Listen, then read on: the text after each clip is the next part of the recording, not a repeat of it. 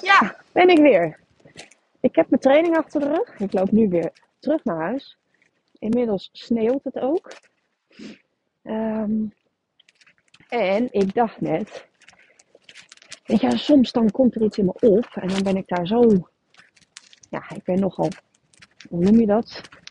Ik kan vurig zijn, passioneel zeg maar. En dan, dan wil ik er, oh, wat door elkaar schudden als ik dan iets hoor of iets lees. Of, nou, en daar was natuurlijk een beetje de vorige podcast op gebaseerd. En dan realiseer ik me dat die ook best wel pittig en heftig. En uh, je kunt hem ook als negatief uitleggen. En het is natuurlijk onwijs goed bedoeld, omdat ik je zo enorm de andere kant gun.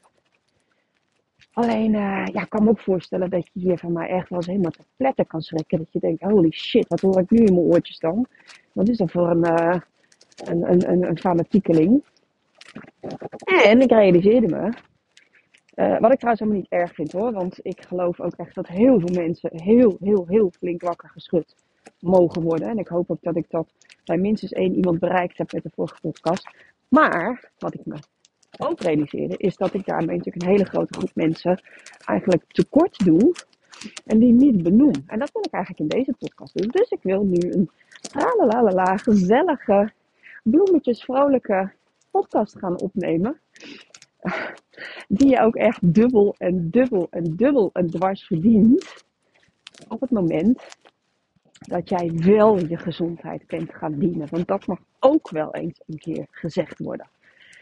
Als jij degene bent die aan de slag is gegaan met zijn of haar gezondheid, dan kan jouw, weet je, je lichaam kan niet tegen je praten. Het kan alleen maar signalen afgeven en het kan er alleen maar voor zorgen dat jij je voelt zoals je voelt. En dat betekent dat als jij je heel slecht en heel rot voelt, lichamelijk gezien, nou vaak ook hè, werkt dat psychisch door, dan uh, is dat de taal die jouw lichaam spreekt naar jou.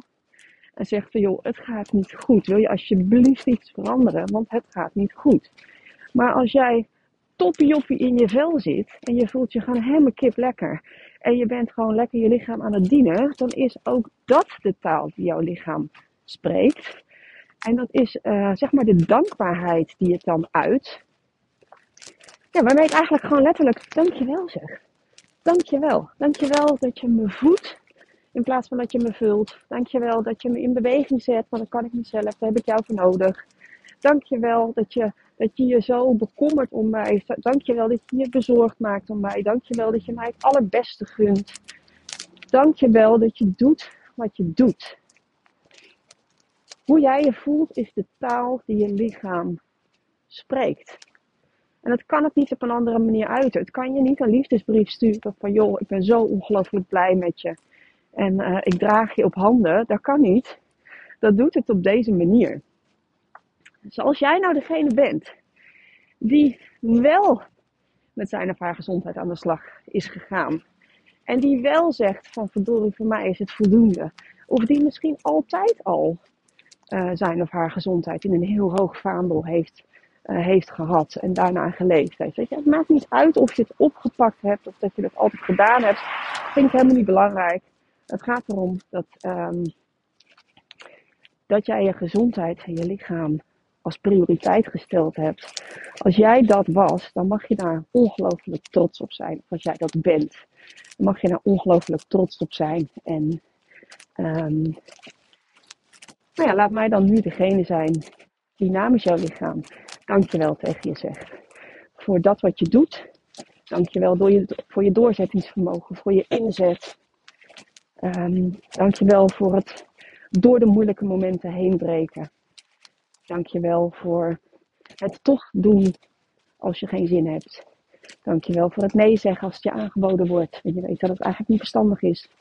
Dankjewel voor ondanks dat er tegen je gezegd wordt, doe niet zo ongezellig. Ah, kan toch wel een keertje. Ach, je krijgt nu toch wel een heel small bekkie.